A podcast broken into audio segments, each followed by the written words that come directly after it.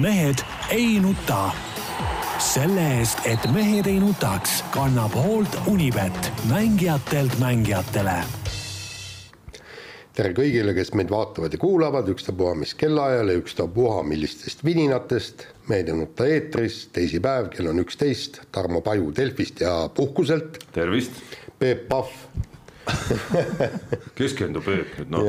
Delfi, Delfist Eesti Päevalehest. professionaalne ja, ikkagi ja, ja siis sealt kaugelt maalt Iisraelist tagasi, kuigi, kuigi vahepeal käisid jutud, et, et tahab sinna jääda noh, ei tulnud tagasi ju, et kõik pidi, pidi kenasti öösel saabuma, aga ei mitte midagi. nii need on ja siis Jaan Martinson Delfist. tere, tere. ja, ja igalt poolt mujalt ja märk ka natukene vihma sadas, aga loodusel on vihma vaja. ei, vihm on äh, tervitatav jah, tegelikult väga, Eestis on ikka hea õhk nüüd vaata, kui ma läksin ära, siis oli Eestis veel palav, äh, Iisraelis oli nagunii palav ja tagasi tulin, eile oli sihuke noh, perfektne ilm, ütleme, käisin veel õhtu ujumas oli täpselt kakskümmend kraadi õhusooja, vesi oli ka umbes kakskümmend kraadi ja, ja, ja väga väga timm oli nagu ükskord sai ennast nagu inimesena tunda. ja no see muutus tegelikult nädalavahetusel juba, et ise olin Saaremaal ja, ja täpselt samamoodi oli nii-öelda käis kogu see vihm üle ja, ja tuli nagu teine õhumaisk. kas Eesti, aga küsimus, suurem küsimus, kas Eesti esiliiga kolmandale treenerile Iisraelis nagu turgu ka paistis või kuidas? kas see, kas sellest see väike viivitus selle? jah no vot, nii et kuulake, siin on uudis, siin on uudis õhus praegu. hoidsin tervet koondise lendu kinni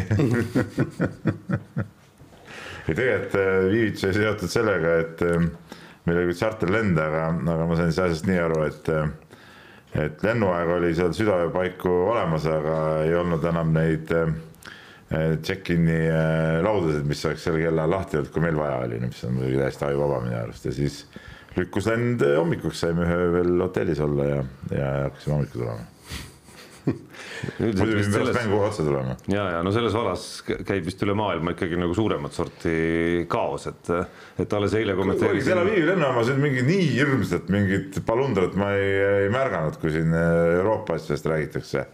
et, et okei okay,, me saime sealt ka mingisugust kuskilt nurga tagant lõpuks, aga, aga me tulime ikkagi sealt sellest suurest äh, suurest terminalist läbi, et, et see rahvast muidugi oli palju, aga mitte nii, et keegi kuskil õues oleks pidanud päikese käes seisma. no Leedu korvpallurid tulid Bulgaariast niimoodi, et äh, jõudsid Varssavisse, seal selgus, et samal päeval äh, ikkagi koju ei pääse, see oli kahe mängu vahepeal siis mispeale siis Varssavi lennujaamast topiti kõik mängijad taksodesse ja sõidutati nad Klaipedasse taksodega ja siis treenerid tulid bussiga järele, no paar tundi jõudsid hiljem siis kohale ehk siis nagu järgmisel hommikul kuskil pool viis või midagi jõudsid Klaipedasse ja siis sellest järgmisel päeval ehk eile oli mäng, kus nad siis tšehhidelt tappa said koduväljakul.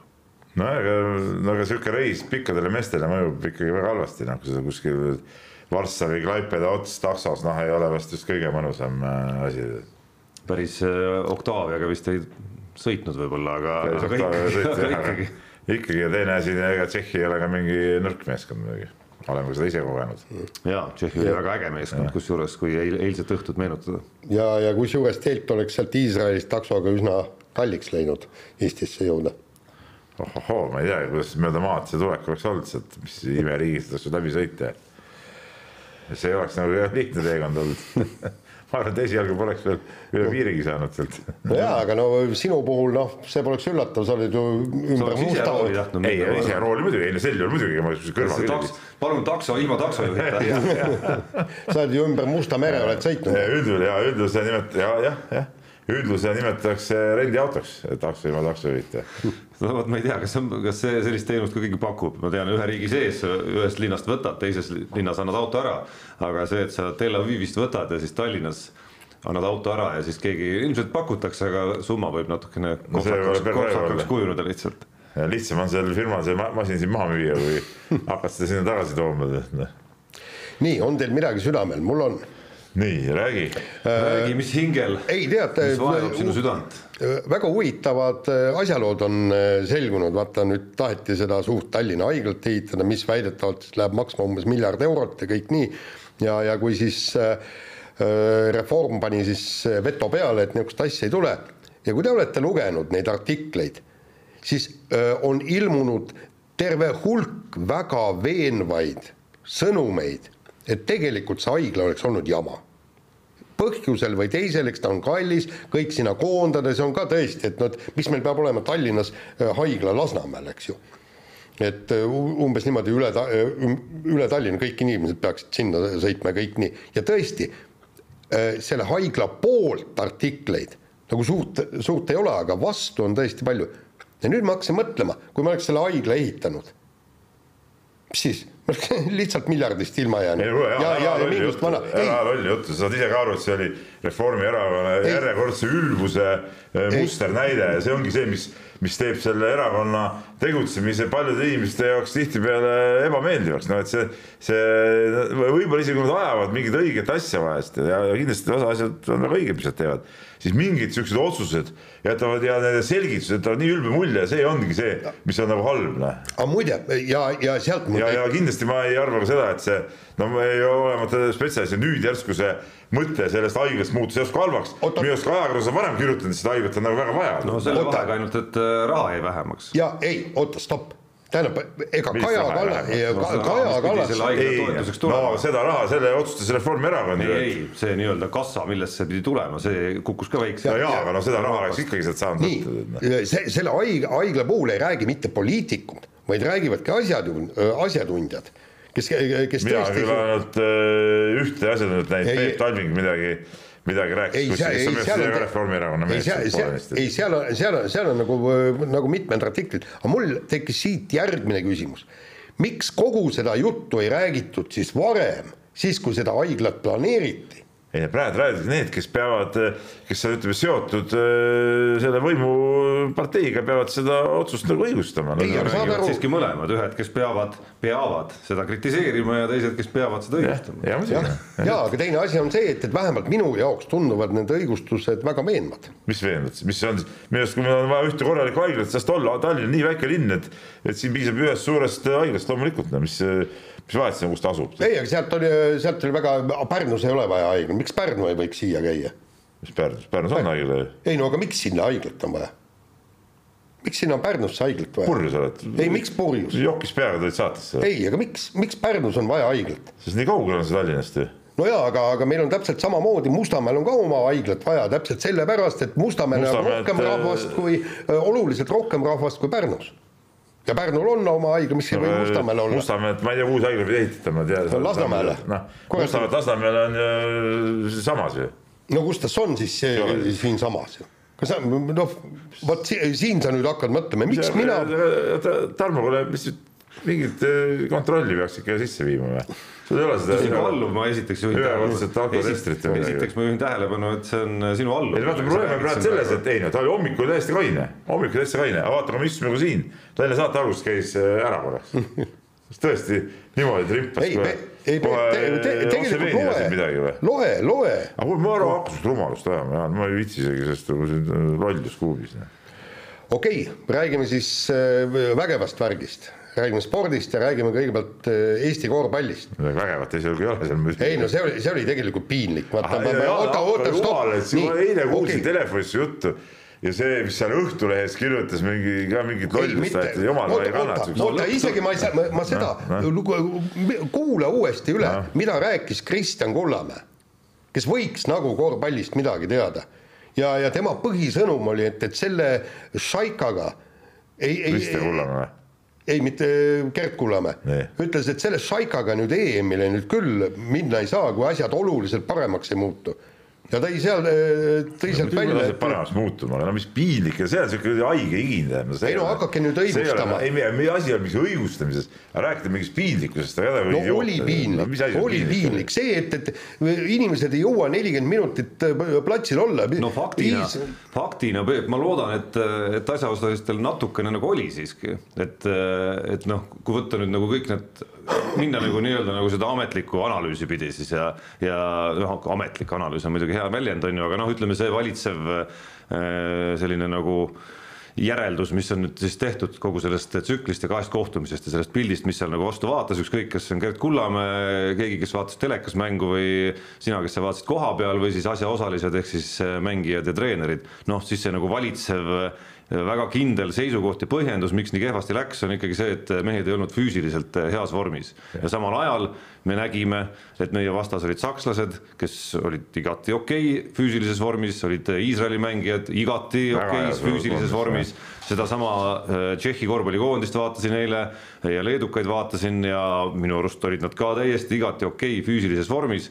Ja noh, ma ei ole nagu väga head põhjendust vähemalt ütleme siis, kuidas öelda ametlikes kommentaarides, mida on avalikult öeldud, et kuhu taha see siis nagu jäi, et mida need mängijad siis, äh, kas, kas tehti koondise treenides midagi valesti või siis, äh, või siis on see vahepealne periood, mis oli siis nagu klubihooaja lõpu ja, ja koondise kogunemise vahel Äh, omavahelistest vestlustest saan ma aru, et see koer tegelikult noh, on pigem maetud nagu sinna. No, ja sinu ja sinu tänases loos äh, on ka vihjed ilmselgelt nagu selles suunas. Ja kui see on nii ja see on eelkõige siis mängijate individuaalne selline nagu ma ei tea see, mida nad, mis otsuseid nad tegid sellel perioodil, kui palju nad trenni tegid, kui palju nad pidasid silmas seda, et äh, juuni lõpus, juuli algul tuleb minna ikkagi nagu noh, NBA kaliibriga meeste vastu ja Euroliiga kaliibriga meeste vastu, kes ilmselt on ka vormis noh, siis fakt, et ise ei oldud, natukene, ma arvan, valmistab, ma loodan, et valmistab igaühele piinlikkust. ei no see, see piinlikkus, see on totter sõna,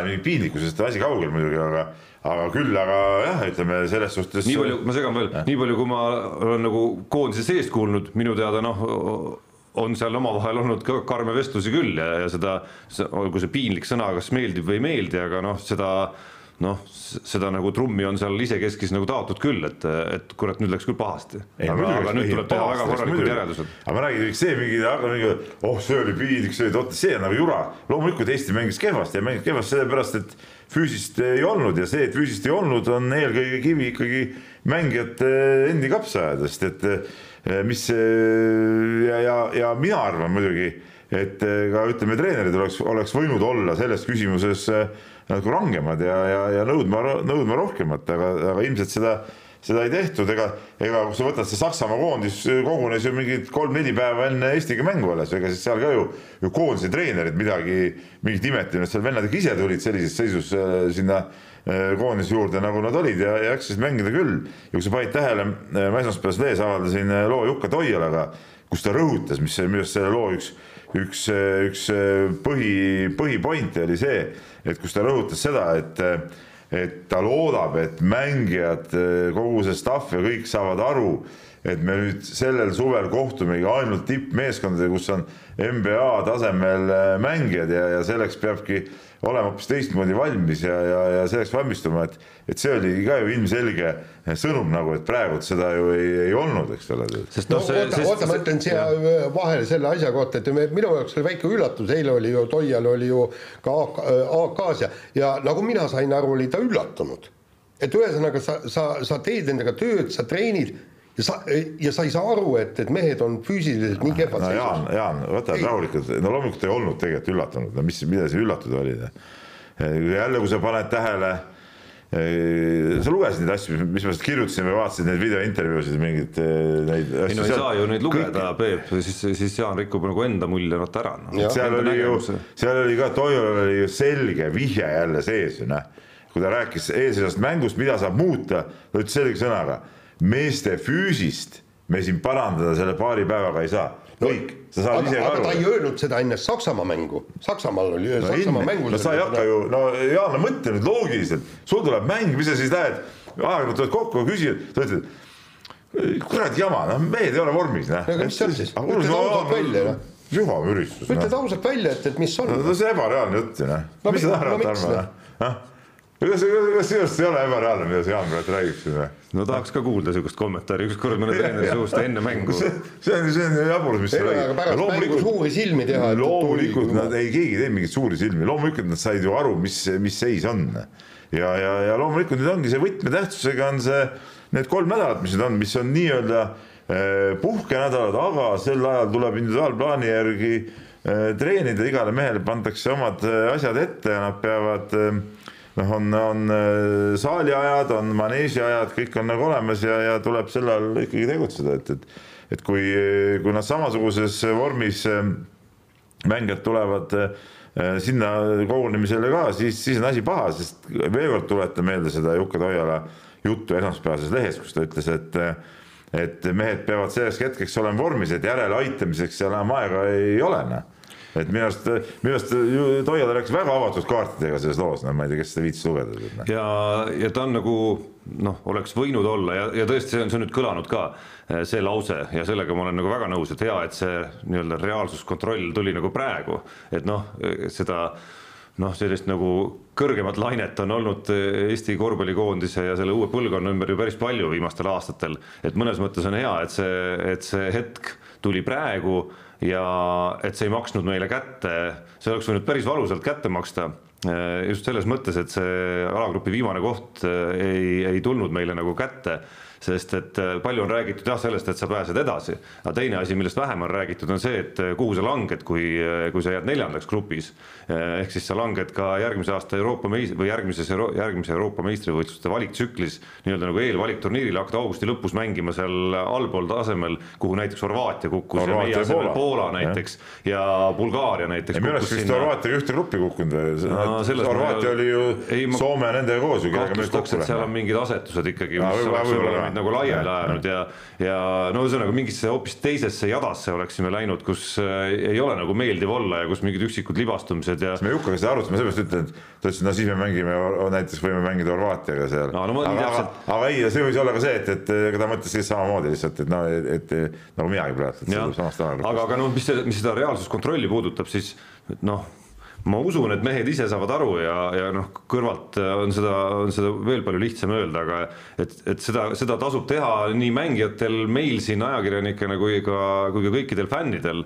et kui sa nüüd noh, hakkad nagu analüüsima siis seda Eesti koondise tegelikku võimekust ja seda, kuidas me, kuidas me nagu klapitume sinna sellesse Euroopa meistrivõistluste finaalturniiri meeskondade sekka, on ju, siis äh, mingi päev äh, eelmine nädal ühte, üheks mänguks äh, kommenteerimiseks valmistudes äh, käis sealt läbi, lugesin mingit Serbia portaali ja siis sattusin lugema uudist sellest, kuidas uudis Nikola Jokic'i tulekust Serbia koondisega EM-finaalturniirile tõstis siis Serbia koefitsientides turniiri soosikuks number üks Prantsusmaa ees seal natukene isegi ja siis oli seal uudises ära mainitud ka, et äh, kes siis seal rea nagu lõpus on. Ja seal rea lõpus äh, eelviimasel kohal asus Bosnia ja Hertsegoviina ja kõige viimasel kohal koefitsiendi poolest asus Eesti ikkagi kõikide finaalturniiril osalevate meeskondade seas. No.. ja noh, kui sa siis seda reaalsuskontrolli teed nagu nii-öelda mängijate või faktide põhiselt ka on ju, siis noh, tuleb seesama Bosnia-Hertsegoviina meile siin augustis ju ka külla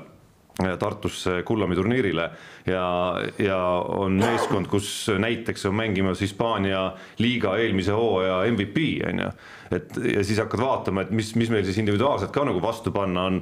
Ja noh, meil on väga palju justkui talenti, samas mitte enam kaheksateistkümne aastast talenti, vaid sellist, kes siin kahekümnendate alguses on pigem veetnud hooaja või kaks hoopis oma küll tugevates liigades, aga ikkagi seal liigades nagu pingi peal väga palju, et selliseid mängijaid, kellel on all nagu sellised nagu tõeliselt vinged hooajad, noh, on ka tõsi, aga kui me nüüd vaatame omakorda mis liinides nad mängivad, siis lõpuks jõuame veel sellise nagu noh, natukene nagu kuidas öelda, nagu äh, selle analüüsini, kus me vaatame, et, et mis meil näiteks tagaliinis veel olemas on äh, võrreldes teiste meeskondadega, et kus, mis on need liinid, kus tänapäeval legionäre näiteks võetakse endale koondistesse, need on alati tagaliinid, kus, kus ja kas on meil need väga hästi oma klubides mänginud, kõrgel tasemel mänginud tagamehed, nii-öelda need kaitsemurdjad või see, keda Kalev Cramo iga aasta on otsinud juba Varraku aegadest alati, alates ja, ja alati igal hooajal, kui mingi edu on tulnud, on see tulnud paljugi ka selle pealt, et need sellised mehed on leitud lõpuks siis ameeriklastest on ju, et seal neid nagu reaalseid murekohti, mida paigata on nagu päris palju ja see on see reaalsuskontroll, mis peab omakorda viima selleni, et me peame siis paljudes muudes asjades olema nagu veel näljasemad, veel tublimad, veel paremas vormis ja nii edasi ja nii edasi. no ma ütlen, oota, oota, ma räägin, et eh, Tarmo rääkis, et meil on talenti. Eh, no selle on ka nagu nii ja naa, et see talent, mis, mis, jah, ma tahtsingi öelda, et ja mis otsast seda vaadata, et kui me nüüd vaatame EM-finaalturniiri kontekstis ja nende võistkonna kontekstis, siis noh, see talent ei ole seal meil nii silmapaistev, et pigem meie tugevus peabki olema just nagu, nagu selles töös, mis tehakse ja ja, ja, ja, ja nagu ma kirjutasin ka mänguvärkses selles kogu tões, et, et see just see, just see füüsis on see, mille, mille abil me saaksime, ütleme, niisuguste tugevate võistkondade vastu, et seda talendi peale Äh, loota, loota kindlasti ei saa. ja, ja kui me räägime üldse nagu võistkonna komplekteerimist, sa ütlesid jah, see defense breaker, kes on, aga meil ei ole võistkonnas ka ühtegi viskajat ju meil ei ole ühtegi sellist venda, venda tead Eesti koondises ja ma ei näe ka, et niisugune mees, no see ei saa selle suve kuskil no, tekkida. lõpus välja hüppab. välja hüppab, kes, kes äh, võtab ja need pallid äh, tuima näoga sisse paneb, no aga niisugust, niisugust a la Kuusma Kullamäe tüüpi mängijat meil ju tegelikult päris ei ole ikkagi, noh no,. ja oota, ma nüüd ütlen siia vahele kõik, eks jällegi tähendab kogu, kogu nendest kommentaaridest nii telekas kui kõik, et meil on kõi-, meie koondis on kõige kindlam asi on eesliin pikad. ja, ja siis, kui nä-, toodi välja, toodi välja see nii-öelda lauapalli, võitlus lauapallide pärast, ja siis ka imestati, kuidas saab niimoodi olla, et me saame ikkagi niisuguse ketuka lauapallide osa. no see tundub, see tundub puhtalt selle energiataseme küsimus. see on energiatase, teine asi äh, Iisraeli vastu, noh, see ketuks nii suur ei olnud, et Iisraeli vastu esimene poole ründalauas võideti ühega, kui ma õigesti mäletan. ja lõpuks kaotati kolmega, noh, ütleme see kolmene vahe, seda üldist lauapallides, mina näiteks seda ei vaata üldse mitte kunagi, oma, oma mängudes mitte see sõltub muuseas, oluline ründelaupallide vahekord, see on nagu see, mis, mis on, mis on oluline, ütleme Iisraeli vastu, muidugi teisel poolel, kuna esimesel poolel võideti, lõpuks sai vist kolm vaja, teisel poolel neljaga jäid alla, noh, seda on, on natuke palju, aga, aga, aga noh, see võib-olla nii katastroofne, kui oli, oli äh, Saksamaa mäng, see oli muidugi täiesti õudne just, just ründelaudade osas. et äh, jah, ütleme need meie pikad, milles see meie pika tugevus, eks ole, noh a la Kotsar Kotsar äh, Lugas see, kui tal pall pannakse kätte, siis ta alt suudab nagu pallid ära tõsta.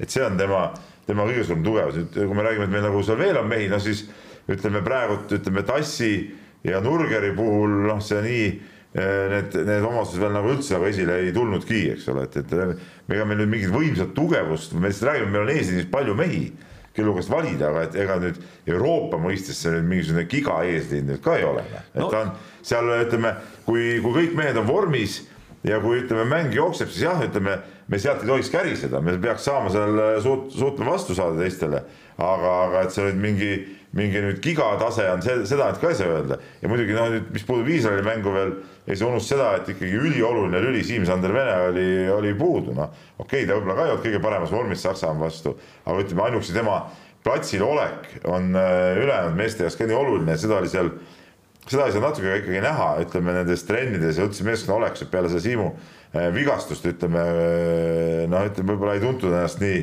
nii hästi ja, ja, ja kuidagi tekitas see sellist äh, halba, halba võnget natuke. nii, aga, aga, aga, aga jah, korraks veel lihtsalt ühest lausest haaran kinni, et seal see, see seltskond Jõesaar, Vene ja Kotsar on siis see seltskond või see kolmik noh, mul para-, paratamatult tuleb paralleel kas või eilse õhtuga, kus ma seda Tšehhi ja, ja Leedu mängu vaatasin ja, ja kommenteerisin, et, et neid samu Tšehhe kas või seal, okei okay,, neil on NBA mees Šatoranski ja, ja nüüd siis Barcelonasse tuleb ja noh, tõeline Euroopa tippude tipp, on ju, aga, aga kui seda ülejäänud seltskonda, sellist suhteliselt kogenud, aga seal on ka niisuguseid kahekümne viie kandis vendi vaadata ja jätta võib-olla välja seal seda, et paar meest on pärast häid hooaegu Euroopas läinud Jaapanisse raha teenima, aga noh, see tase oli neil täiesti endiselt nagu olemas, siis ülejäänud mehed, kes seda võistkonda tassisid, on kõik ikkagi sellised Hispaania, Saksamaa liiga kahekümne, kahekümne viie, kahekümne kaheksa minuti mehed, sellised äh, vahemikus üheksa kuni kaksteist, kolmteist punkti mängus on ju. et noh, meie koondises on nagu seesama ette näidata siis sellel kolmel mehel on ju, ja ükski neist ei ole ikkagi ei ühe ega kahe positsiooni mängija, et. et see saab kindlasti nagu noh, isegi kui on Kullamäe kohal, isegi kui nüüd Gerg Riisa tuleb ja hakkab võitlema ja peab alles võitlema oma koondise koha pärast, isegi kui Märt Rosenthal tuleb, siis see saab olema nagu kindlasti selline kõva challenge ja ma väga tahaks loota, et, et selle nagu augusti jooksul noh, keegi neist, keegi neist ikkagi teeb mingi sammu edasi, ma ei tea, kui tõenäoline see on nagu kuu ajaga, noh, Kullamäed arvestades ta on olnud terve aasta ikkagi nagu sahtlis natukene, eks et, et noh, võib-olla sealt need, see mängude jada, mis sinna nagu jäänud on veel ja füüsiline vorm paraneb, võib-olla sealt tekib see, et noh, kuskilt sealt peab mingisugune esiletõus selle suve jooksul ka toimuma, ma arvan, selleks, et meil, et meil tekiks, tekiks äh, paremad võimalused, noh näiteks kasvõi seal EM-finaalturniiril võidelda edasi, edasipääsu pärast alagrupis. ja muidugi absoluutselt keegi peab tõusma ja, ja sa ütlesid väga õigesti, need äh, kolm meest, kes on nagu tasemel olnud ja mänginud, et noh, keegi ei ole neist nagu looja, eks ole, jah, et, et nad on on lihtsalt, äh, lihtsalt mehed, kes, kes teevad oma mängu, täidavad oma rolli hästi, aga ütleme nendest ei sõltu kogu see mängu ülesehitus. ja noh, see ja see, mis sa hooajal teed, no midagi teha, see on ikkagi põhiline, et, et äh, et kui esimest mängu meenutada, siis, äh, siis no okei okay,, tal väsis ka mingil hetkel ära, aga see fakt, et Henry Trell oli USA-s saanud nagu mängida ikkagi hooaja teisel poolel, minu arust paistis see silma ikkagi nagu heas mõttes mingites elementides nii, kuule, aga mehed, lõpetame nüüd selle koondise jutu praegu siin ja tehke mulle nüüd selgeks. ma, minu jaoks oli, vaata, et kõige hullem uudis oli see, et, et ehm, Eesti korvpallikoondised poisid ja, mängisid kuusteist ja kaheksa, kaheksateist, mängisid eh, Põhjamaade tšempionaati. üks sats sai kõik mängud pähe, üks võitis vist. Eh, Norrat äh,. Norrat kahe no. mängu, kahe võistkonna peale kümnest mängust üks võit ja see, see on nüüd küll asi, mis me arutasime seda seal ka nii ja naa natuke treeneritega ja, ja, ja, ja Rauno Pehkaga istusime lennukis üksteise taga ja, ja rääkisime ka sellest, et et see on, see on küll halb asi, okei okay,, sa pead arvestama ühte asja, et U kaheksateist koondises, no Henri Veesaart ei olnud, kes vanuse poolest sinna mahuks, aga no ainult nüüd Veesaare peale seda asja üles ehitada ka nagu oleks nagu, nagu kummaline, et, et eriti, eriti morn on see seis U kuusteist, kus, kus tõepoolest selles vanuses see Eesti tase on ikkagi, ikkagi väga vilets, seda, seda märgivad ära sisuliselt kõik, kõik treenerid, et, et jah, ütleme tulevik põh... ei ole meie jaoks väga, väga helge praegu. ja see oli Põhjamaad see oli Põhjamaad, oleks. ei no okei seal olid tugevad, ütleme siis Soome no,, Rootsi. ja no, no aga paneme, paneme Itaalia, Prantsusmaa no., Hispaania paneme sinna ka me, meile ei, vastu, mis ära siis nüüd, tuleb, mis ära hakka noh. me ei saagi Hispaaniaga mängida, sest me ei mängi ühes divisionis. ei no jaa, aga, aga mis siis oleks tulnud, me no, isegi ei suudanud Põhjamaid võita ja, ja tegelikult siin on järgmine küsimus on see vaata, me, me oleme kottinud artiklite kaupa jalgpalli ja just näiteks, et miks meie noortekoondised ebaõnnestuvad, meil olid ju pikad saagad sellest. ma arvan, sa homses lehes saadki lugeda sellest. Äh, ja no oota, oota, ma segan vahele, et, et äh, noh, see ongi viimaste aastate esimene sellelaadne häirekell, ütleks pigem Kossu rindelt, et, et need noortekoondised ei olegi nii kehvasti minu arust poiste osas ei olegi nagu pikka aega tegelikult nii kehvasti no, nagu esinenud. asi selles, et pole ka neid turniire olnud eriti. aga muide. Põhjamaade oma eelmine aasta vist ei mängitudki. ei no siin on kodus see Balti mere turniir. aga, aga sel talvel ütleme, seal ei olnud väga, kui ma mäletan õigesti, väga hästi vist ei läinud neil ja, ja, ja, ja, ja muide jälle paralleel äh, sellesama jalgpalliga, me tõesti kotime seda, et, et jalgpall ei ole mitte kuhugi jõudnud kolmekümne aasta jooksul aga kui me paneme korvpalli kõrvale, siis jalgpall alustas tõesti nullist, olgu see põhjus mis tahes. aga kus, kus see nulli jutt, see on ei no, no ei olnud, kuule, kui me mängime Nõukogude Liidu tšempionaadi teist liigat, see on nüüd see alguspunkt, kus oli. aga mis oli korvpalli alguspunkt Nõukogude Liidu meistrid ja Euroopa. kümneid kordi räägitud, et seal tehti suuri vigu korvpalli arendamisel, sellest on räägitud palju. ja aga me ei ole ka korvpallis no, kuhugi jõudnud. no sõltub ka ajahetke, kus sa nüüd äh, võrdled, eks ole, et äh, vahepeal käisime ka ikka nagu, nagu mudas-mudas ära, kust ilmselgelt, kui sa nüüd selle võtad algpunktiks, siis sealt on nagu liigutud küll no, no on, on siis nii väga liigutud no,? muda on kaks korda jõutud finaalturniiril. no ikka on liigutud sealt. see ei ole küll küsimus no kuhu on liigutud? no kuhu on liigutud, kaks korda finaalturniirile. jah, aga, aga kui me võtame üldist korvpalli, siis me oleme liikunud selle, sinnamaale, et meie koondised saavad Norralt tappa, noh no. no okei okay,, sellel, sellel pinnal me räägime nagu ühest turniirist, aga kui noh, kui juba Peep ütleb, et seal muremärgid on üleval, siis siis ma arvan, et äh, ei ole meil kellelgi siin nagu vastu isegi vaielda sellele, et see, et see on probleem. noh, ütleme noortekoondiste puhul muidugi alati äh, ma arvan, nagu ütleme, koondis võib kehv olla, aga koondise mõttes piisab, kui ühest vanuseklassist tuleb nagu kasvõi üks, ma ei tea, ütleme siis Euroopa tasemel või Euroliiga või NBA tasemel mees, on ju. aga küsimus, kas seal nagu sellist üksikut pärli paistab, ma ei. vaata, vaata asi selles, et selle, see U kuusteist, U kaheksateist koondised koondavad sisuliselt äh, nelja aastakäiku. et kui me nelja aastakäigu peale, noh, no sealt võiks ikka rohkem kui üks, üks mäng. ei, sealt kindlasti nii, aga vahetame nüüd teemat, läheme jalgpalli juurde. Ja Eesti valitsev jalgpallimeister FC Levadia, me markeerisime eelmises saates suhteliselt lühidalt ära põrumise meistrite liiga eelringis vahepeal läks aeg edasi, Peep siin Unibeti eripanust teavitades veel eh, kergelt ironiseeris, et mis mõttes Kuressaare, Kuressaarele panevad nad loomulikult ära.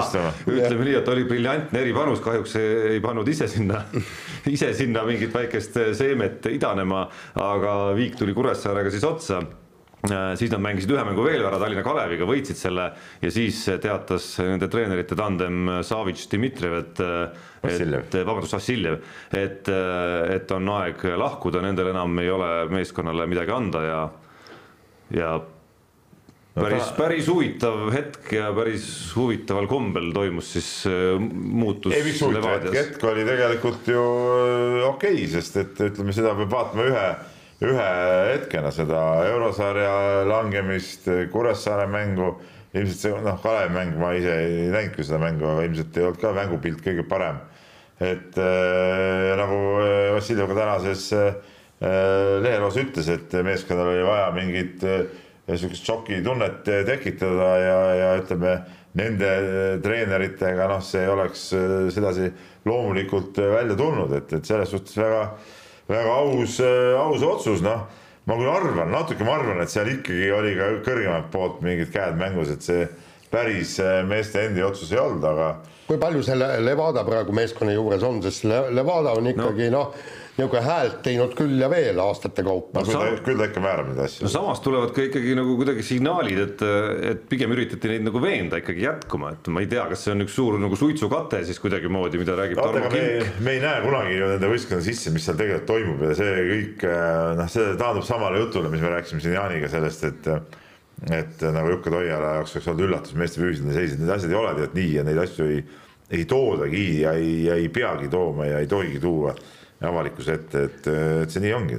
jaa, aga kas nüüd see duubli eh, treeneri määramine peatreeneriks, eh, kui palju see asja parandab? ma saan aru, et sa tood tõesti väga kogenud, tugeva, hea treeneri, aga praegu on noh, ma, ma, ma, ma, ma ei oska tea, midagi, ei oska, ei, ei, absoluutselt ei tea. kui hea või paha treener ei, ei absoluutselt no,, aga ma küsisin. see, et ta on justkui nagu nii-öelda sama süsteem, sama liin, kuidagi nagu nii-öelda üks üks süsteem mõnes mõttes nagu jalgpalli selle, selles osas, kuidas nagu jalgpalli nähakse ja, ja mingi mingit mängutaktikalist nagu revolutsiooni ei tohiks ei, nagu tulla. küll aga vahetub persoon ise, eks ole no, see... kellel on võimalik siis nagu kuidagimoodi ütleme seda selle vaimse poolega siis tegeleda ja, ja seal tekitada mingisugune, ma ei tea, uus mingisugune nagu ma ei tea, nõudmiste mingisugune süsteem ja, ja kuidagimoodi siis teha see nii-öelda raputus. vaata, kui sa oled tuulitreener, siis sul ei saagi olla oma mingit nägemust või oma süsteemi. ei no ta on, pead... ta on lisaks ka Savitsi toodud mees. ja, ja, no, sa, sa, sa oledki toodud ja sa teedki täpselt seda, mida see peatreener sulle sealt ette annab, et kuidas see duubel peab äh,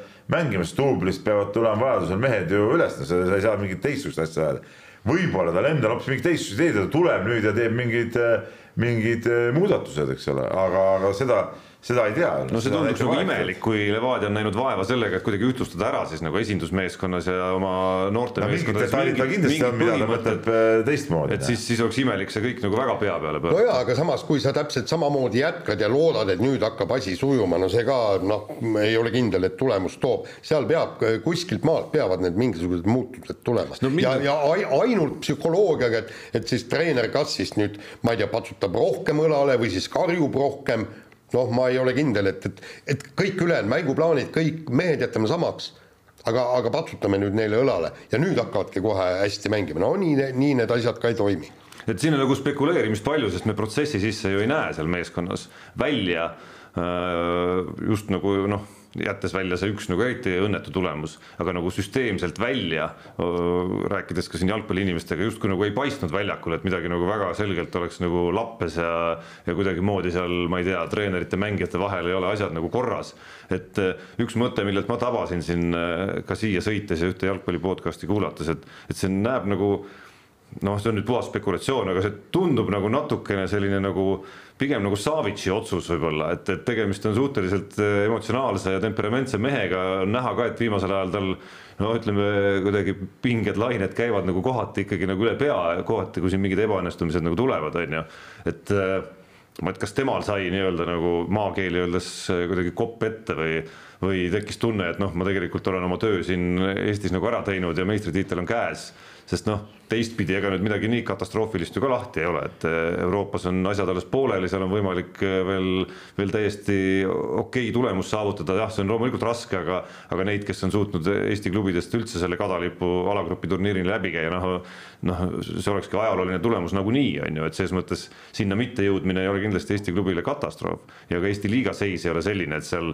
noh, ei võiks nagu proovida ise ikkagi neid asju nagu ringi pöörata, eks midagi ei ole teha, mu paralleelid tulevad tihti eh, korvpallist, aga noh, meenutame, kuidas eh, noh, ma ei võib-olla võrdlen nüüd nagu võrreldamatuid asju, aga meenutage, mismoodi näiteks eh, õnnestus Madridi Reali korvpallimeeskond sellel hooajal ikkagi nagu, nagu sügavast august nagu välja pöörata ja, ja ikkagi sama mees ja sama tiim, sama treenerite seltskond äh, tõi selle tiimi seal välja ja, ja pealtnäha vähemalt oluliselt nagu keerulisemast olukorrast isegi. ja ei muidugi ma olen nõus, et, et, äh, et siin treeneri enda emotsionaalsus on kindlasti mängus, aga, aga, aga ma tuletan veel kord meelde, et ka klubi president on väga emotsionaalne ja, ja sihuke kärsitu mees, et, et noh, see võib siin mitme asjade sihuke kokkulangevus olla.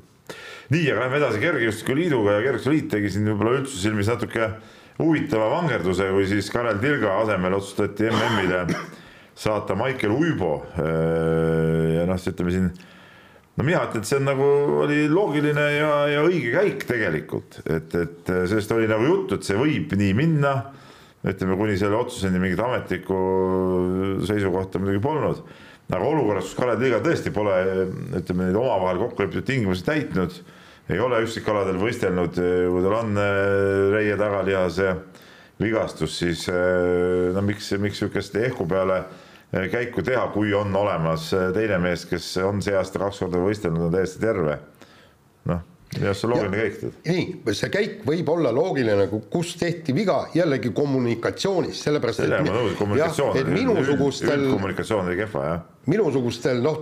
soovitasin alaliidu tööle võtta normaalne kommunikatsiooniinimene. jah et see tõesti minusugustele äh, tavavaatajatele, kui igal pool kõik enne, tähendab, kõik ilmuvad artiklid, eks, et, et, et kindlasti läheb pilga. ei, ei vaata, Jaan, vaata ma seletan sulle, et mm. artiklid ilmusid. Äh, kõik vastavalt sellele, mis olid sellel hetkel. Vastavalt reeglitele, oligi seis oli selline, et äh, Tilgal oli ametlikult norm täidetud, eelmise aasta norm, noh, tema oligi nagu ametlikult mine, minija aga seal oligi see küsimus ka, et, et, et kui oleks öeldud, et Ilga ei lähe, siis alguses valitses seal mingisugune oht, et see koht ei lähe mitte Uibole, vaata, kuna seal ei ole Nordeed, vaid, vaid selle edetabeli punktide alusel oleks läinud hoopis kellelegi teisele välismaalasele. aga siis see variant langes ära, ma saan aru ja siis, siis võis nagu ja, tegutseda. ja aga, aga oleks vaja olnud teada anda, et selline võimalus on ja näiteks me, ma ei tea siiamaani, me ei ole Tilgaga vist, mitte ükski väljaanne pole rääkinud, et kas Tilga ise teadis seda sellepärast, et nagu ta teadis, sest see oli ju, ma räägin sulle veel kord, see oli kümpimeeste endi kokku lepitud äh, asi ju noh. ta pidi ju teadma seda. nii, ja, ja, ja põhimõtteliselt toodi ära põhjusena, et Tilgat ei võetud, oli see, et ta ei võistelnud üksikkaladel nagu lubad, lubas. tähendab, kui vend oleks tulnud, jooksnud sada kümme tõkkeid näiteks ja, ja hüpanud kaugust Estikatel no ta oleks pidanud ja, ja seda, ja seda normaalsel tasemel, normaalsel tasemel kindlasti ka. ei, kõik on õige, normaalsel no. tasemel, aga seal peavad ka mingisugused kriteerium, kriteeriumid olema, mis on normaalne tase. no seda ei pea ju sulle selgitama. ei, ei seda mulle no., aga, aga seda tuleks üldsusele selgitada. ei, ei, mis asja, seda ei sihukest, niisuguseid detaile, mis, kuhu sa nüüd selgitad, miks sa pead sihukest asja selgitama? ei, aga sellepärast, et takkajärgi tundub, tundub see susserdamisena, susserdamisena no. ja me ei tea siiamaani, mina ei tea siiamaani, kas Karel Tilga jättis võistlemata kaugushüppes ja, ja ma ei tea. ei, see võttis maha ju sellepärast, et tal oli vigastus, noh. nii, ja, ja, ja teadlikult ja.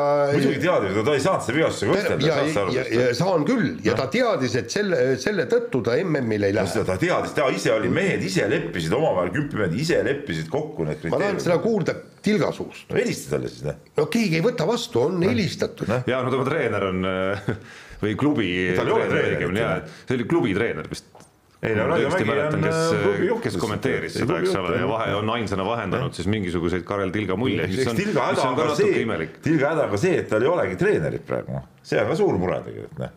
sealt need asjad pihta hakkavadki, aasta aega võistelnud ei ole kusagil, treenerit ei ole, no ütleme, ega seis ei ole väga hea, no et no asjaolusid vaadates tundub nagu igati loogiline lahendus, et see nii läks.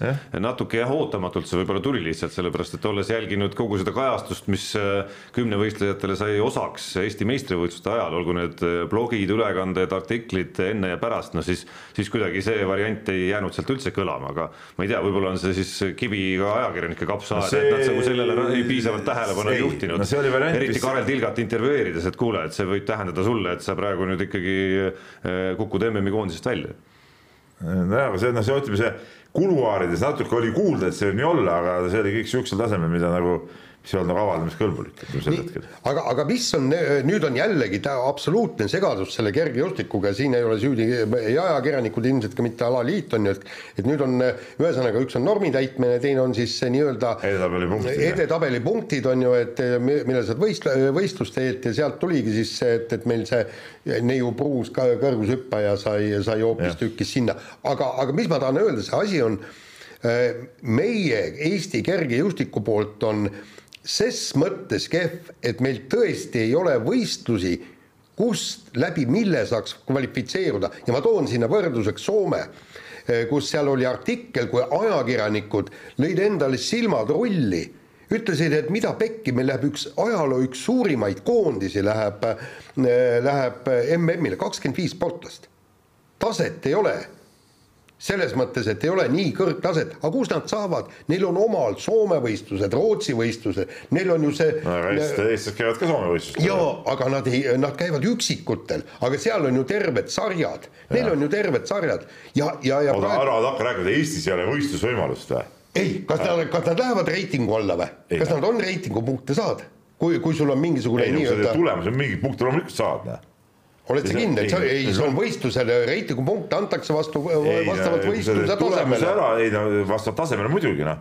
see see, et riigi meistrivõistlused on, on kõige kõrgema reitinguga, vist on kõige kõrgem, aga seal on ka ütleme, ütleme need sealt järgmised, ütleme need igast õhtumiitingud ja need, loomulikult nad nii suurt ei anna, aga võistlusvõimalust ikkagi on. Aga meil aga- polegi ju, meil polegi ju ma kedagi saata. küsida, et keda sa oleks tahtnud sinna ei, nüüd ei, ma ei, ma, ma ei, ma ei räägi sellest.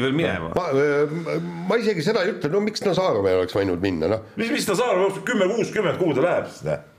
Nazarovil on jooksuvõimalused küll ja küll, ta on käinud Euroopas võistlemas igal pool, noh. ta ei ole seda taset praegu saavutanud kahjuks, noh. nojah, aga, aga ma ütlen, et li- lihtsalt see reitingupunktid, nad ajavad see on segadust. muidugi, ei süsteem, minu, minu silmis on süsteem täiesti jabur, see reitingusüsteem. et see vana süsteem, kus oli nii-öelda A-norm ja B-norm või A-norm ja siis lihtsalt eh, tulemuste tabeli järgi võeti plaks seal kolmkümmend kaks või, või kakskümmend kuus, oleneb seal mingist eh, alast on ju. noh, see on nagu loogilisem on ju, pluss nad riigi need kohad, eks ole, langevad ära. aga see mingi punktide andmine, see on mingi täiega jaburus, loomulikult see, see ei kõlba kuskile. Nii, võtame järgmise teema. Ja räägime Jüri Vipsist ja, ja oligi niimoodi, et nädala alguses äh, andis Red Bull teada, et äh, Jüri Vipsiga on äh, töölepingud lõppendat-, lõpetatud, ta ei ole enam tiimi liige, ta ei ole enam varusõitja ja kõik. Aga, aga nii palju oli rõõmu, et, et äh, Jüri Vips sai jätkata vormel kaks sarjas. koondamistasu ka sai või? jah, vaevalt nii, aga mis mõttes, miks?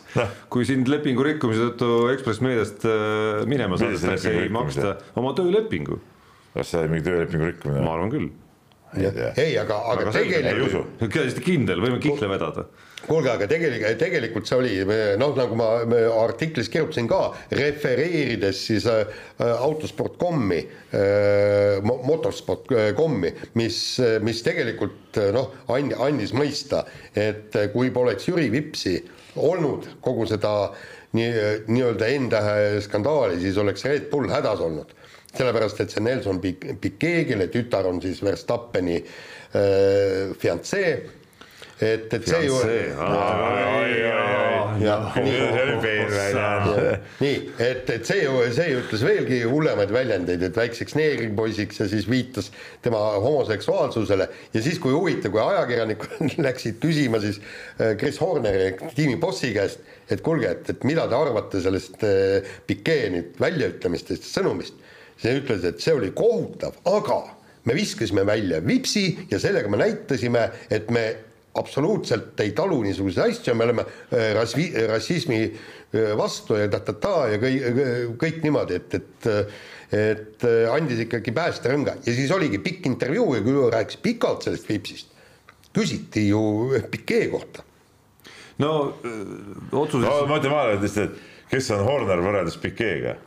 küünemust no aga tema on boss ja tema määr-, määrab. no jaa, tal ei ole siis midagi seal üteldagi noh, sel teema kohta, siis ta võtabki, tal oligi see, see õigus, sai hästi vipsi taha nagu peitu pugeda, siis Pikee kohta temasugune mees ei tohigi midagi ütelda. ja, ja kusjuures, kui, kui sa vaatad veel, eks, et kes seal olid, Lando Norris ja, ja Max Verst-, eriti Max Verstappen, kes ütles, et ma tunnen Jüri Vipsi rohkem kui teised vormelisõitjad, ta on tore vend ja ta ei ole mingisugune rassist, eks, ja ta peab saama teise võimaluse et, et, et noh, siit igalt poolt, igast august tuleb ju seda sõnumit, et, et see karistus oli ikkagi liiga suur selle rikkumise eest ja no me sellest äh, nii-öelda juhtumist endast ja, ja hinnangust sellele ju rääkisime pikalt eelmises saates. nüüd, kui sellest nagu ütleme järe, järelkajadest või sellest nagu, mis siis nagu nüüd sai, on ju, sellest rääkida, siis nagu omamoodi nii noh, nii nagu need kõik need sellised debatid kisuvad nagu kahte noh, ikkagi nagu äärmusesse maailmas tänapäeval.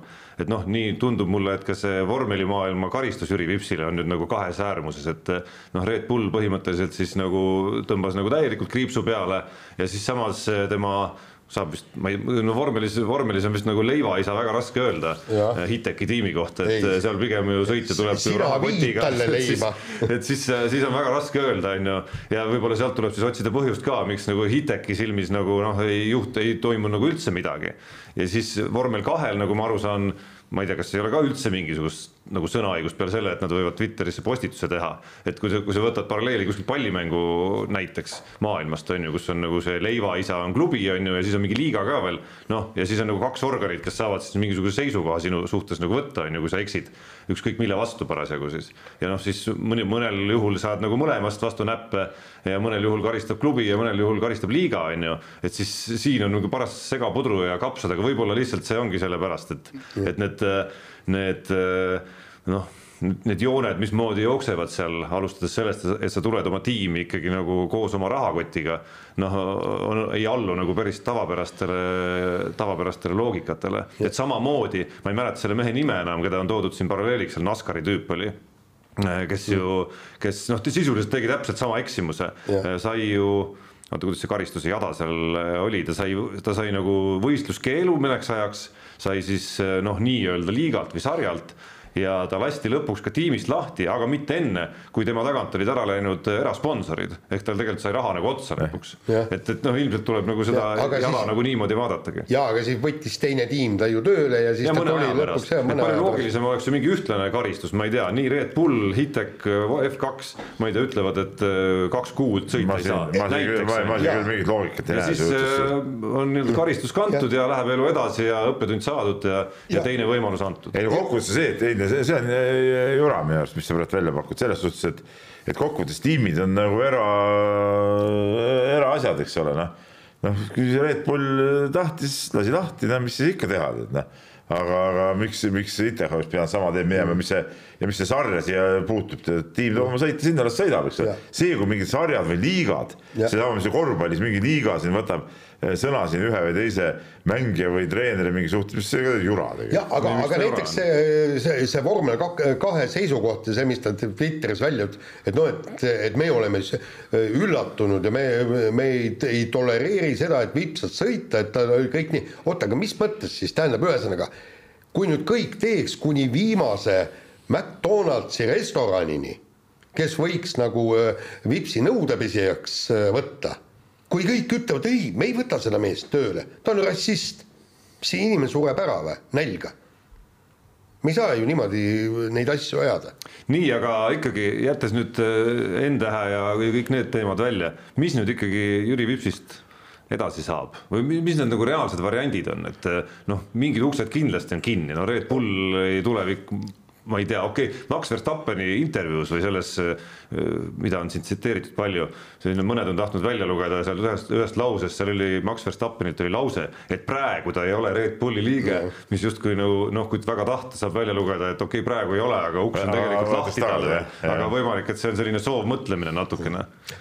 mulle, mulle pigem tundub, et Red Bulli-sugune kompanii noh, ei noh, ei, ei, ei lähe nagu seda teed enam, samas kui ühel hetkel Jüri Vips tõestab ennast ikkagi nagu maailmameistrikandidaadina eh, kohtades, kus talle veel võimalus antakse, siis ma ei tea, ma tahaks loota, et see ikkagi antakse talle andeks, aga nüüd ta peab ikkagi vähe ekstra tegema. no ütleme niimoodi, et tegelikult noh, ühest küljest eh, või võinuks kõik see jama olla isegi Vipsile kasulik, sellepärast et ta oli praegu Red Bulliga seotud ja sisuliselt ei saa ju teised meeskonnad teda palgata aga probleem on nüüd selles, et sa pead olema tõesti, nagu sa ütlesid, maailmameistrikandidaat, mida kahjuks Vips praegu ei ole, ma noh, ma ise usun, et, et see Silverstoni GP läks ikkagi untsu kogu selle kogu selle asja peale muidugi, muidugi. jaa, aga, aga nüüd ta peab lihtsalt noh, hooaja, hooaja lõpus näitama vaja võitma, vaja võitma tegelikult reaalselt. just täpselt, jah. et ja. see tegelikult lõppkokkuvõttes äh, tiimid vaatavad ka mingis asjas ikka pragmaatiliselt, et kui, kui Vips tõestab, et ta on, on võidumees, et ta suudab võita, onju küll siis leiduvad ka mingid tiimid, eh, kellega oleks võimalik nagu läbi rääkida tuleviku suhtes. jah, ja kui, kui võib-olla mitte vormel ühes, siis võib-olla kuskil, kuskil kereautode sarjas ja. või Indikaaris või, või kus iganes. aga selle saatuse lõpetuseks eh, natukene spordipoliitikast ka. Eh, Jaan kirjutas, ma nüüd päevade arvestuses võin eksida, aga eile, eile ilmus minu mäletamist mööda see lugu sellest, kuidas on vähemalt lootust ja vähemalt äh, uute valitsusläbirääkimisteni oli justkui plaan paigas äh, asuda tõstma treenerite töötasusid ja tõsta neid siis äh, tuhande neljasaja euroni, kus siis riik paneb oma senisele panusele juurde ja klubid ise peaksid ka panema, aga noh, küsimärke jäi ka piisavalt sellest loost ülesse, sest ekstra kõnet Jaan ei olnud muidugi teinud kellelegi, kes on valitsusläbirääkimistel ja oskaks öelda, kas kas tuleb või ei tule. jah, aga ei, ma rääkisin seal noh, paljude inimestega, kes on seal kõrval ja nemad ütlesid, et, et noh, et, et esiteks meil ei ole veel valitsustki, meil ei ole veel isegi hakatud seda nii-öelda ko koalitsioonilepingut kirjutama. vahel, mida aeg edasi, seda vähem mulle tundub, et see valitsus üldse tuleb, ma ei tea, see on nii kaua veninud. no varsti on valimised juba. kevad, kevad on päris lähedal. aga kusjuures. ja venitavad seal üksinda ära kuidagi mingid hädavajalikud seadused võetakse vastu ja muud jäävad kõik äh, riiulile. aga suht vale värk on ikkagi, et noh. aga kusjuures tegelikult treeneritele tuli see valitsuse vahetus ikkagi väga valusalt. väga valusal ajal, jah. sellepärast, et seal oli ju kõik oli koalitsioonilepingus sees, järgmise aasta eelarveprojektis oli treenerite palgatõus prioriteet ja, ja, ja tõesti, no praegu nad saavad keskmiselt tuhat kakskümmend eurot, no andke andeks, on ju, eks. treenerid ja, ja, ja mida mida ütles äh, Tarvi Pürne, äh, hästi asjalik vend, on spordi asekantsler ja ta selgitas asja väga hästi ära. praegu meil igalt poolt räägitakse, lapsed ei liigu. et see kooliõpetajad ei ole need kooliõpetajatena üks-kaks kehalise tundi nädalas, ei ole need, kes lapsi liikuma panevad, ainsad sisuliselt peale lapsevanemate, kes võivad lapsi natukenegi liikuma panna, on just treenerid ja, ja, ja, ja neid me kotime selle palgaga. ja ta ütles, et see on täiesti andestamatu ja me peame ki kiiresti siin midagi ette võtma. ja tegelikult ongi ju niimoodi, kus see laps liigub? kui ta kodus liiguks, siis ei oleks ju probleemi, kui kõik panevad kodus oma lapsed liikuma, eks noh ei, seda muidugi, noh, ega, ega see ka ju ei ole kokkuvõttes, see, ma saan aru, see on suur abi oleks, eks ole, kui see riigi osa nagu tõuseb ja nii edasi, aga ega see ei ole ka päris normaalne lahend ikkagi. ka veel praegu, et noh, see on ikkagi annab ju annab ju, paneb klubidele ikkagi ka väga suure surve peale, et, et et see palk rohkem tõsta. saab, saab tõsta ainult selle võrra, palju klubi ise on nõus ka juurde panema, et noh, et eh, kokkuvõttes eh, süsteem on ikkagi, ikkagi suht, suht keeruline. ja aga need tegid ühe sammu ära ja siis ja, sealt ei, väiksemate sammudega nad tahavad jõuda siis nii-öelda õpetajate palgatasemeni, õpetajad nõuavad praegu palka kaks tuhat eurot ehk siis üle Eesti keskmise ja, ja, ja ma südamest loodan, et nii õpetajad kui treenerid ükskord selle, selle palgani ka jõuavad. nii, aga laseme nüüd kõlli. kiire vahemäng ja tõesti tuleb kiirelt teha, kell on palju. räägime jälle korvpallist. Taavi Jukatam, Hugo Toom, Aleksander Kovljar need on nüüd siis eh, need mängijad, eh, kes mängisid Eesti korvpalliklubides ja nüüd voilà, on kõik BC Kalev Cramos ja, ja tundub, et, et, et Cramol on võimalust riisuda koort. Ja, ja ma tahaks nüüd teada, et, et kui, kui eh, õnnelikud on need teised klubid? Ei no see on nagu loogiline käik, sest et ähm, punkt üks, Kalev Cramo seoses ka peatreeneri vahetusega, ütleme, ja üleüldse on suured muutuste tuuled nii-öelda käimas, et tuleb ka võistkonda värskendada, et see on nagu, on loogiline käik ja, ja Kalevi võimalused seda teha võrreldes teiste klubidega on ikkagi suuremad, et ma siin midagi imelikku, imelikku ei näe ja ma usun, et siukseid, siukseid, ja ei, kõik on õige aga ma usun, et siukseid äh, käike ja lisandumisi ja. võib, äh, võib veel tulla kasvata ise, nii nagu Tartu kasvatas Kobliari näiteks. aga okei okay, selleks. ja no. Pär-, ja Pärnu Ugo Toomi. ja, ja, ja Viimsi Taavi Jürkatamme et no päris antud juhul oli jah, oli jah asjakohane, kuigi laias plaanis loomulikult no loomulikult ei, on see soovitus Kalev Cramole muidugi, muidugi väga ja, ja väga asjakohane. Kalevi probleem eh, koostöös Nordiga ongi see, et, et sealt midagi nagu ei tule nagu noh. et, et, et selle peale nüüd ma loodan, et, et kui, kui siukseid suuremaid muutusi üldse nagu tehakse klubis, et natuke selle, selle järelkasvu peale ka mõeldakse veidike rohkem, noh, see on see on, see on üks asi, aga seegi see, ma ütlen no, Kalev, ma ütlen veel kord, Kalevil on kõige suuremad võimalused ikkagi ja nüüd oodatakse, mis muidugi, kus nad üldse mängida saavad, aga ütleme rahaliselt kõige suuremad võimalused neil on ja, ja loomulikult nad siis saavad, saavad endale lubada siukseid üle, üle. jah, ja noh, kui võtta nüüd Eesti noh, teised klubid, kust iganes nad nüüd äh,, olgu ta Tartud, Viimsid äh, või Pärnud sinna juurde, noh siis nagu enam-vähem äh, olles kuulnud, mis need sedasorti mängijate palgatasemed on, siis, siis no ma sekundeeriks siia päris tugevalt, et kindlasti Kalev Cramol seda tüüpi mängijate värbamisel on ikkagi nagu noh, rahakott oluliselt võimekam. ja muidugi, muidugi, sellepärast ütlesin. jah, ja noh, noh, ütleme teine asi, mida tuleks nagu noh, pigem tunnustavalt öelda, et siin ei ole nagu ootama jäädud midagi ja tegelikult vaatan kuupäeva, viies juuli praegu noh, on mõnes mõttes see hetk, kus ikkagi nagu peakski juba väga aktiivselt tolmutama. nojah, seda on hea ütelda, peaks aktiivselt tolmutama, aga, aga päris nii lihtsad asjad ei käi, et ega see, ega siin väga palju nagu seda, ütleme, neid kokkuleppeid sõlmitud ei ole veel. aga võtmeküsimus ikkagi lõpuks või nagu noh, veel suurem küsimus äh, on, on see, et kas kas Kalev Cramol õnnestub nendest kodumaistest mängijatest ka nii-öelda nagu liidritüüpi mängijatest kedagi sinna, sinna meeskonda hankida või, või mismoodi see nagu kogu koosseis lõpuks nagu välja hakkab nägema, et et jah, Kristjan Kitsing koondislastest on, on lepingu all, aga see on ka ainus punkt praegu ja, ja noh, ma ei tea, nii palju kui, kui mina aru saan, siis vist ikkagi nagu, kui me koondise nimekirja vaatame, siis, siis nagu väga ei paista, et sealt koondise nimekirjast keegi oleks nagu väga valmis ja täis tahtmist nagu Kalev Cramot seadma oma esimeseks valikuks eeloleva, eeloleva hooaja valikutes. kahjuks küll jah, kahjuks nii on, et, et ja, ja üldse, kuidas on eestlaste osa seal kokku saavad, kui, kui ikkagi väga paljud mehed on ka lahkumas sealt klubist minu teada. jah, sest noh, unistustes võiks ju muidugi näha, ma ei tea, Mattias Tassi naasmas näiteks Kalev Cramosse on ju, või Kristjan Kullamäed tulemas äh, nii-öelda nagu hüppelaua hooajaks äh, Kalev Cramosse, aga vähemalt hetkeni, kus ei ole nagu päris selge ja mingit kindlust näiteks Euroopas mängimise osas, noh, siis oleks nagu ja no, suht halb, kui nad väga raske sellele... oleks nagu noh, kuidagimoodi soovitada neile ükskõik kellele, et, et tehke see samm ja, ja tulge mängima Eesti-Läti liigat eeloleval hooajal. pluss no ma ei ole kindel, kas Kalev Cramo on tegelikult juba nagu sellel tasemel meestega nagu raha nagu nii-öelda nende sellel tasemel meeste puhul valmis jällegi teistpidi rahaliselt võistlema siis Euroopa, ma ei tea, ükskõik mis nii-öelda nagu keskmiste liigade tasemega aga vahetame teemat ja üks Bravo koht on ka eelmisest nädalast Gert Varik ja Lari Kunnas. Eesti-Soome külgvankrite motokrossi paar võitsid siis langel MM-sarja etapi väga kõva asi. Peep kui vana põrinate, igasuguste põrinate fänn, mida kõvemat häält teeb, seda rohkem. mul oli kahju, et ma olin äh, selles suhtes, et see etapp langes kokku selle aja, kui ma olin seal Iisraelis, ma oleks kindlasti kohal olnud, olen külgvankreid käinud vaatamas ja kajastanud juba siin Aare Kauritite ja ja, ja korjuste ja nende aegadest peale ja, ja ja mäletan, kui, kui Kaurit ja, ja Jürgen Jakk vist olid need, kes no. lõpuks selle pronksi kätte said MM-ilt äh, hooaja kokkuvõttes, see oli ikkagi väga kõva sündmus, aga nüüd äh, Varik ja Kunnas äh, on nagu siin aasta-aastalt, noh, ütleme Varikul erinevad kaardi äh,, kaardilugejad, korvipoisid olnud ja, ja on, on üles roninud ja see aasta tõesti väga hästi on läinud, et, et äh, suurepärane, et tegemist ei ole enam mingisuguse väga noore sportlasega, et et siin on kaks küsimust, et kas, kas sari tervikuna äh, ütleme, see professionaalne tase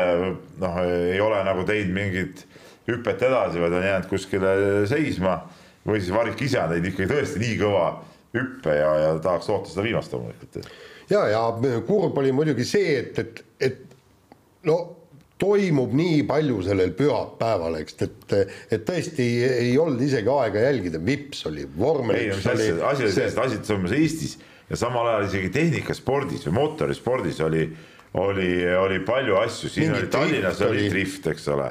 Ehm, seal Põltsamaa kandis oli rallikross sama nädalavahetus, noh, et neid mingeid asju oli nagu oli nii palju, et, et see söövad üksteist publikut ära.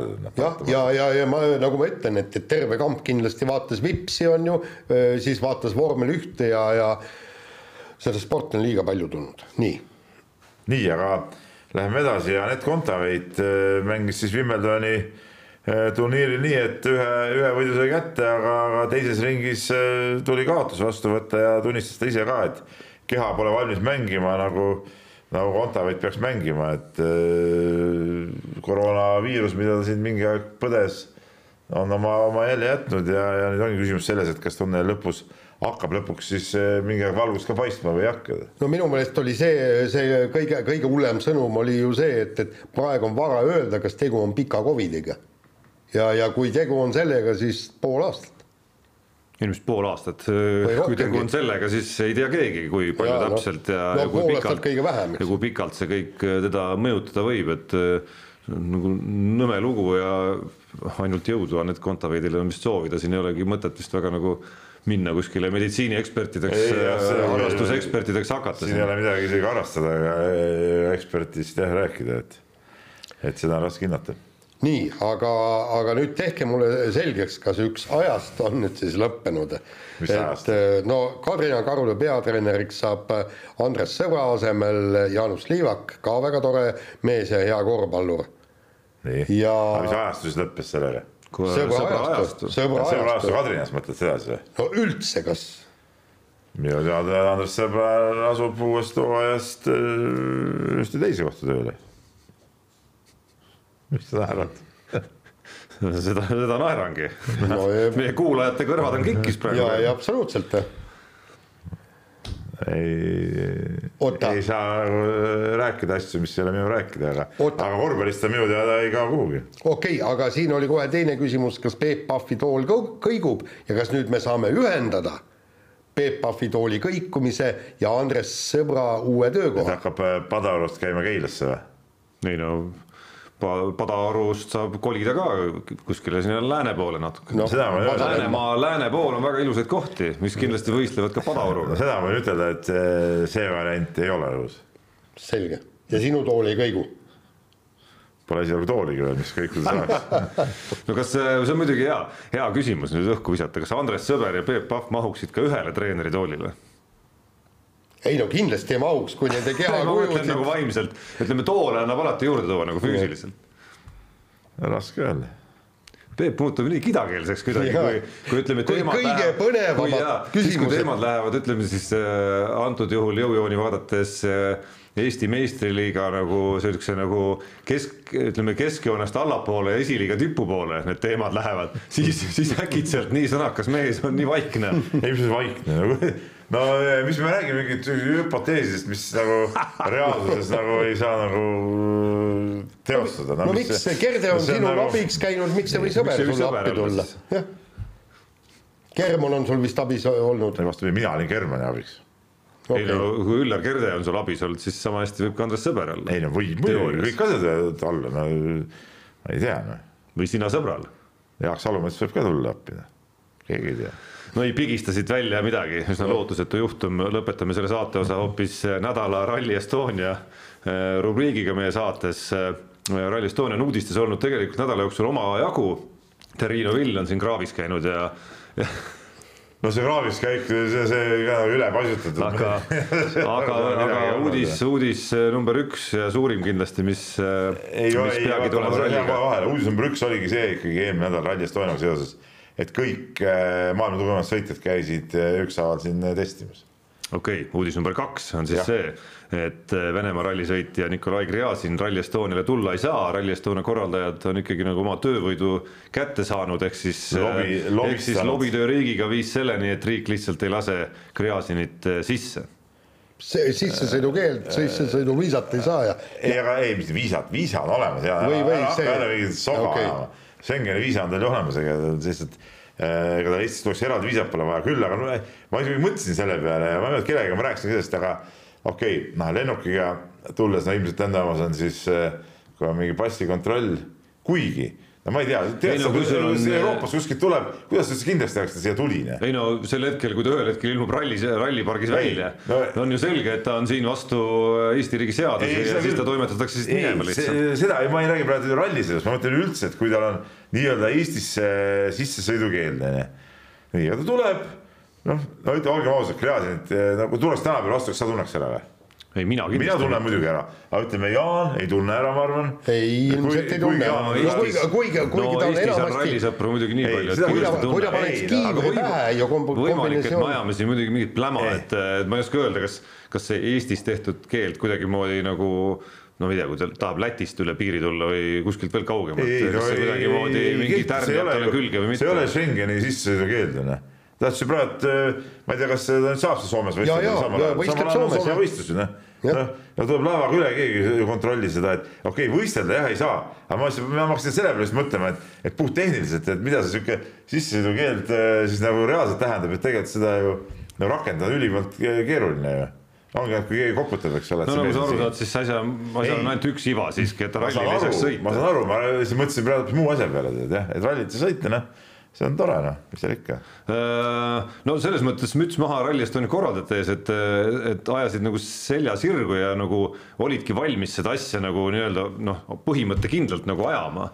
et, et seal oleks võinud, ma arvan, et WRC organisatsioonina noh, kindlasti ei olnud võib-olla nagu kõige õnnelikum selle üle, et siin, et siin Eesti tüübid hakkasid nagu noh, ütleme nende vaates ikkagi nagu võib-olla isegi oma jonni ajama, sest nemad on andnud loa talle võistelda.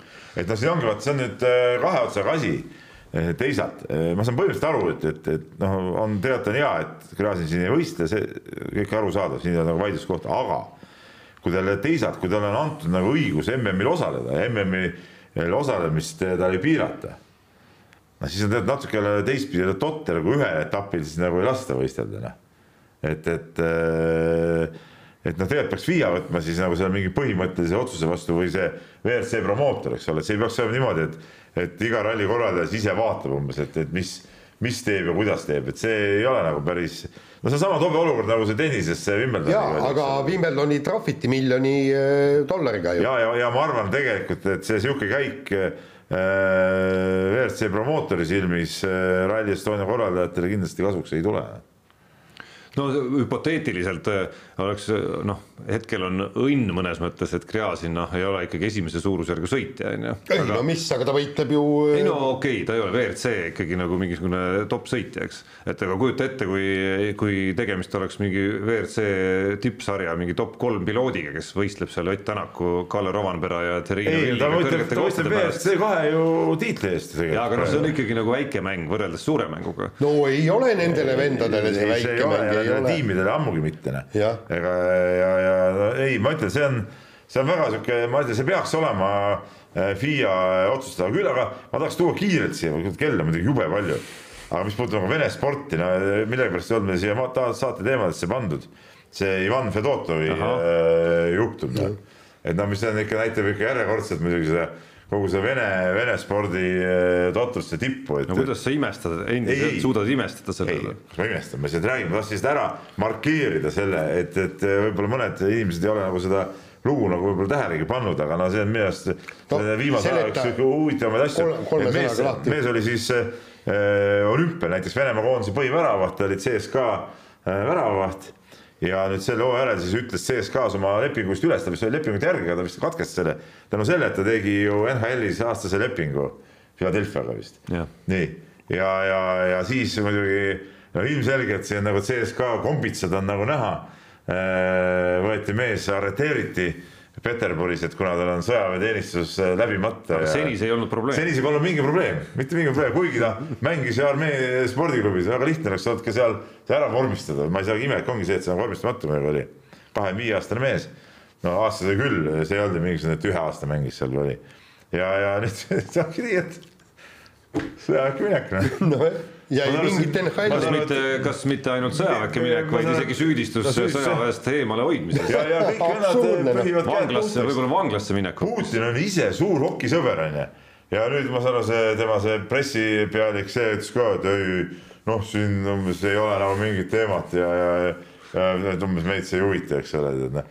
ja see on ikka hämmastav ikka, kuidas, kuidas nad ikka iseendale nagu seal suudavad neid auke kaevata nagu maa alla, tead noh.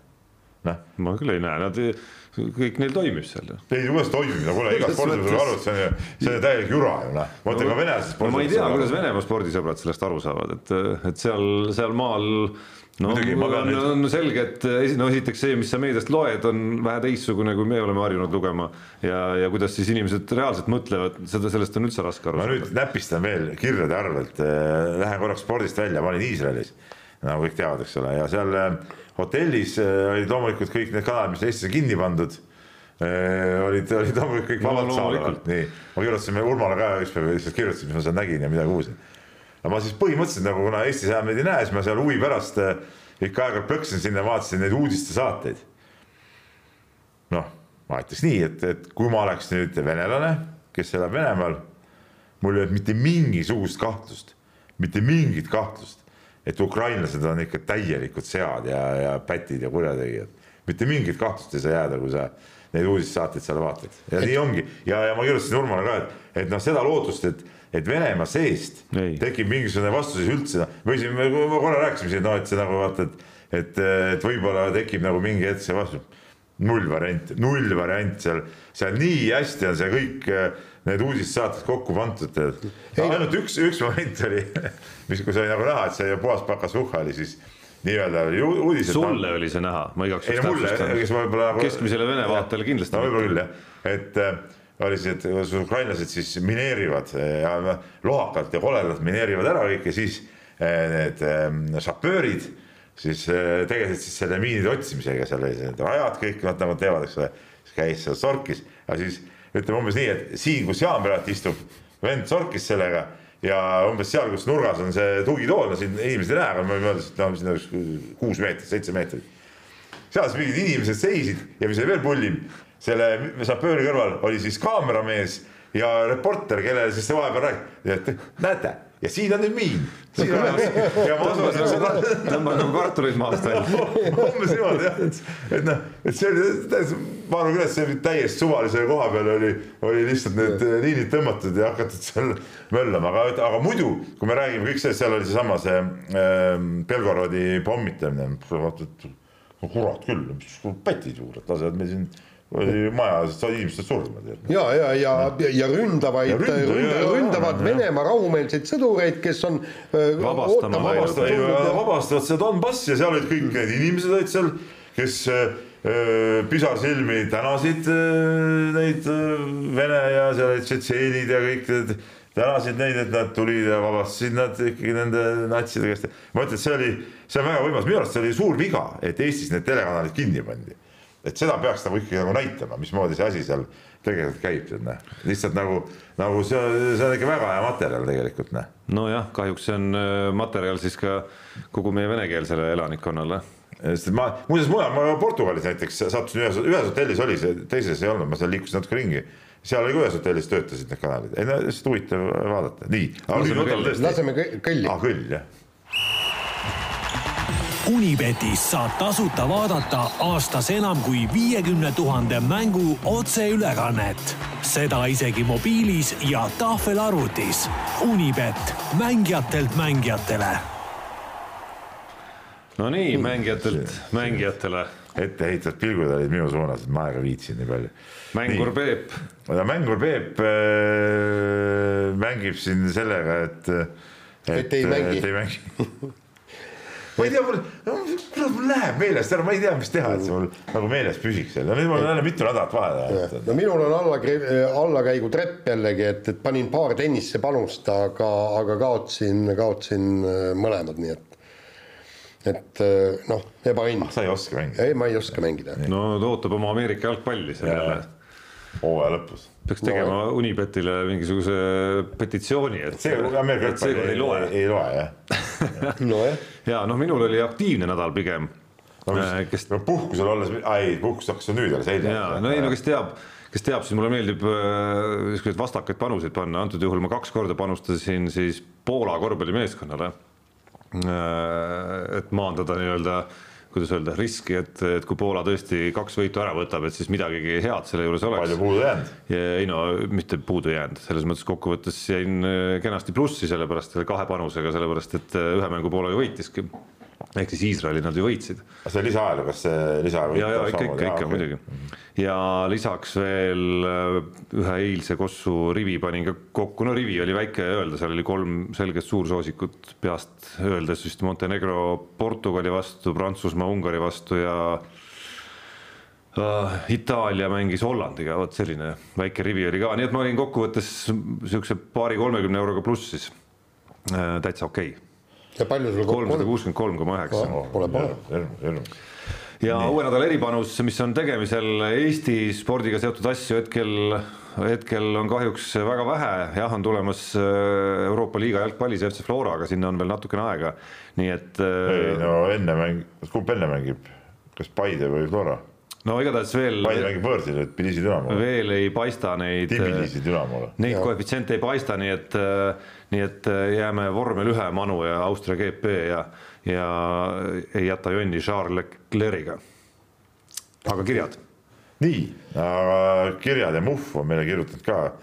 üks mees, kes ikka aeg-ajalt kirjutab ja kirjutab nii, kuidagi radari alt tundub olevat läinud uudis sellest, et lõpuks ometi on üks Eesti mängija jõudnud snuukri profiliigasse mis on teie arvamused sellest ja kuhu paigutaksite selle spordimaastikul?